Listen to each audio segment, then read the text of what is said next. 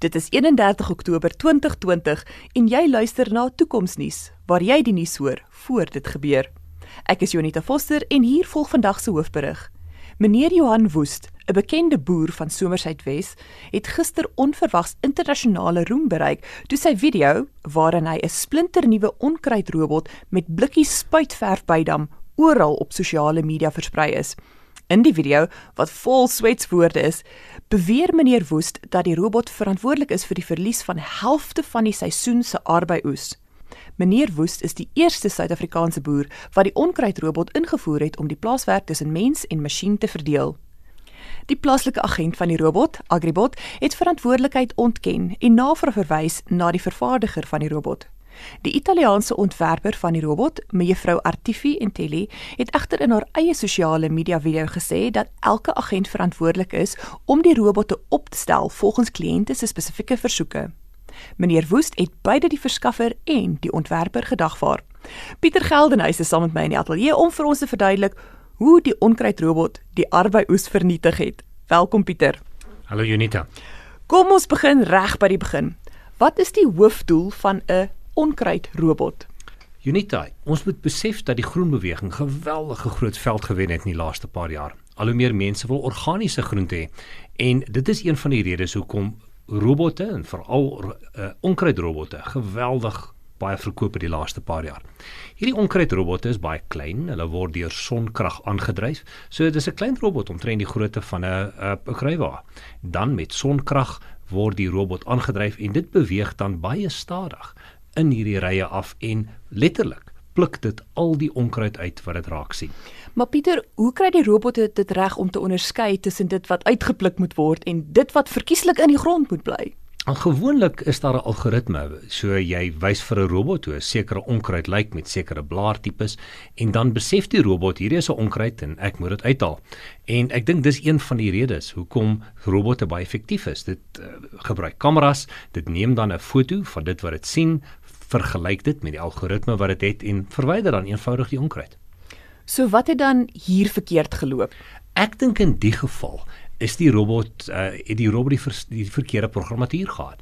Ek dink uh as ek reg tussen die lyne lees, was hierdie robot eintlik beplan om op op 'n medieplaasdiens te doen en dan as jy 'n klein plantjie op die grond sien met groen blare dan pluk jy hom uit. Ek dink hulle het nie die programmatuur op opgegradeer nie. En toe hierdie robot natuurlik op die arbeidsplaas losgelaat is, toe dink die robot dat al hierdie groen plantjies eintlik onkruid is. En ek dink dis waar die probleem ingekom het. Watter ander robotte word ook op plase losgelaat soos wat jy sê om waarmee te help? Daar's geweldig baie robotte wat nou op plase gebruik word. Ons sien al rood alreeds so robottrekkers vanaf so lank terug soos 2018 was daar 'n hele paar robottrekkers wat in Suid-Afrika doenig is.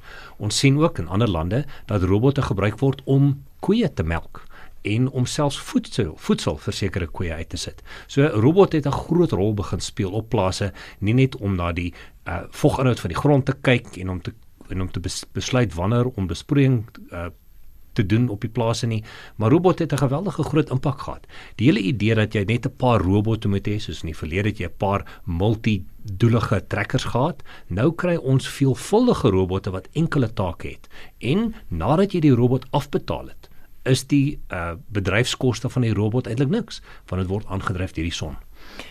In die lig van wat met meneer Woest oorgekom het, sal jy ander boere aanraai om eers te wag voordat hulle ook robotte, onkruidrobotte of ander robotte, um, of ander geautomatiseerde plaaswerk implemente aan te skaf of was hierdie maar net 'n geval van 'n onskuldige menslike fout wat die robot laat val het? Ek dink uh, eerstens moes meneer Woest gekyk het wat sy robot doen die eerste dag, net om seker te maak of die regte programmatuur daar is. Ek dink hy het twee van die robotte wat alreeds wonderlik gewerk het en dit was die derde robot wat probleme gegee het.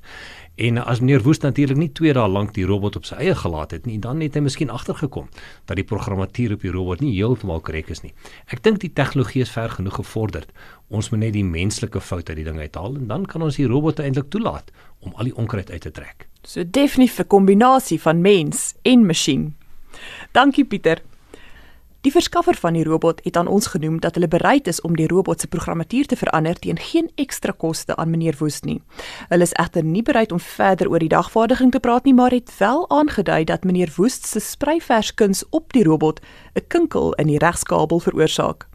Dit was Pieter Geldenhuys en Jonita Foster vir Toekomsnuus waar ons die moontlikhede van die toekoms ondersoek. Vir meer inligting oor vandag se episode en ander tegnologieontwikkelinge, besoek gerus die Toekomsnuus Facebookblad.